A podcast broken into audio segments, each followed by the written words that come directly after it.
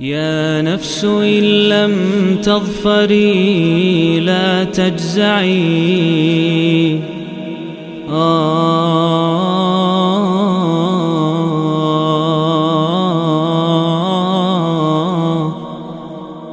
Bismillahirrahmanirrahim Alhamdulillah wassalatu wassalamu ala rasulillahi amma ba'd Ini adalah pertemuan ke-67 Membahas surat-surat dari Al-Quran Al-Karim 114 hari menjelang Ramadan Dan kita di surat Al-Mulk.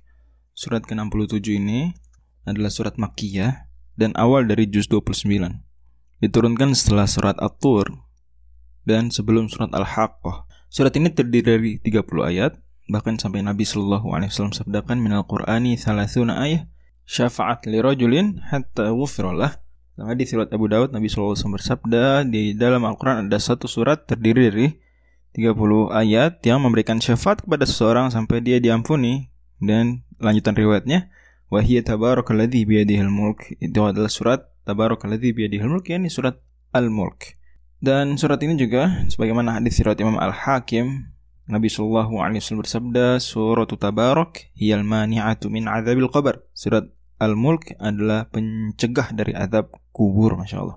Dan surat ini disebut dengan nama Al-Mulk karena Allah firmankan di ayat pertama, Tabarakalladzi biyadihil mulku wa huwa ala kulli syai'in qadir.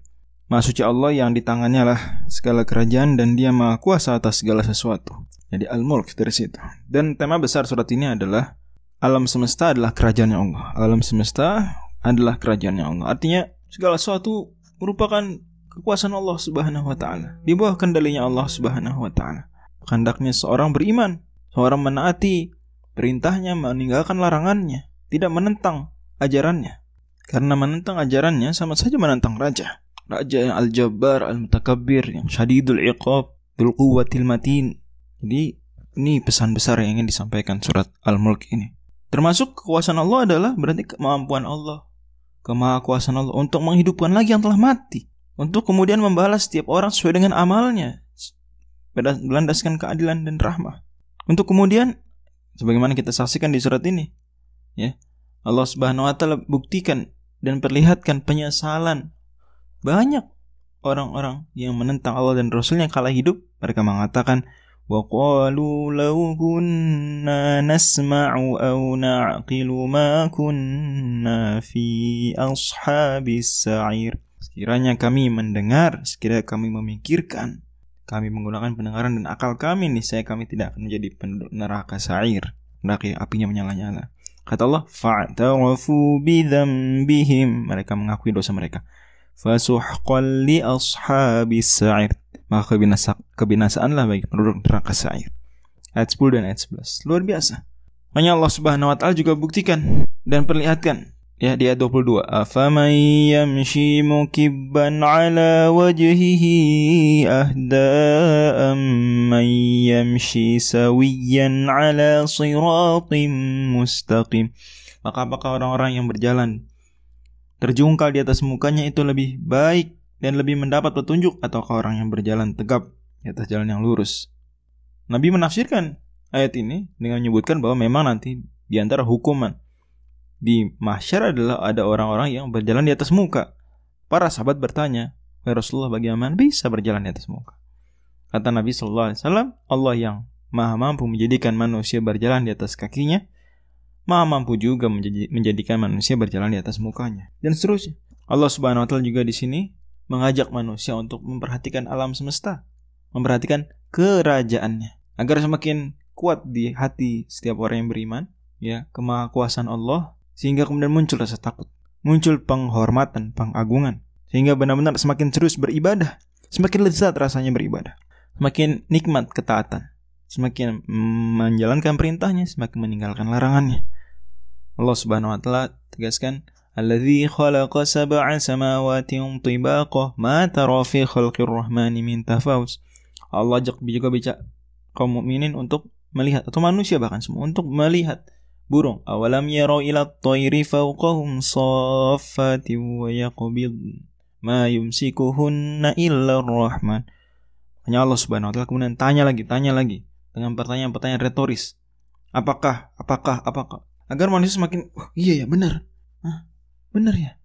Apakah Allah yang lebih dahsyat tentara-tentaranya? Apakah mereka? Ya. Apakah Allah yang ngasih rezeki atau ke siapa? Apakah Allah yang menciptakan atau ke siapa? Allah tanya terus. Ya. Bahkan Allah tanya mereka, "Qul ara'aitum in ahlakani Allahu ma'iya aw rahman." Suruh Nabi bertanya kepada mereka. "Qul ara'aitum, qul ara'aitum." Tanya sampai terakhirnya ayat 30 tanya mereka. "Qul ara'aitum in asbaha ma'ukum ghawra." Kalau airnya sudah nggak ada lagi, sudah kering air. Siapa yang dat bisa menghadirkan air? Faman ya'tikum bima'in ma'in. Faman ya'tikum bima'in ma'in. Siapa gerangan? Jawabannya adalah Allah. Maka sejatinya ayat-ayat di surat ini mengajak kita untuk berpikir, semakin bertakwa. Dari situ nyata jelas hubungan antara tema besar surat ini dengan judul dan nama suratnya Al-Mulk. Bahwa alam semesta adalah kerajaan Allah. Alam semesta yang kalian tinggali sekarang, bahkan kehidupan dan kematian kalian semuanya adalah ujian. Alladzi khalaqal mauta wal hayata liyabluwakum ayyukum ahsanu amala wa huwal azizul ghafur. Allah menciptakan kematian, menciptakan kehidupan untuk menguji siapa di antara kalian yang paling baik amalnya. Dan dialah Allah yang maha perkasa lagi maha pengampun. Dan surat Al-Mulk kalau kita bandingkan dengan surat At-Tahrim dan surat-surat sebelumnya memang benar. Ya, kita di surat At-Tahrim diingatkan tentang haramnya mengabaikan pendidikan keluarga. Di surat Tolak dijelaskan tentang jangan sampai perceraian terjadi sebisa mungkin dan pun kalau terjadi maka dilandasi dengan takwa dan itu pada akhirnya tidak boleh berefek kepada retaknya ukhuwah kaum muslimin retaknya sendi-sendi kemasyarakatan. Dan kita lihat-lihat surat sebelumnya. Maka ketika baca surat ini sadar kita oh ternyata begitulah perintah dan larangan Allah semuanya. Allah berhak memerintah berhak melarang karena Allah raja. Dan kita hidup di dunia pada akhirnya ujian agar terbukti siapa yang paling baik amalnya. Wallahu alam bisawab Assalamualaikum warahmatullahi wabarakatuh.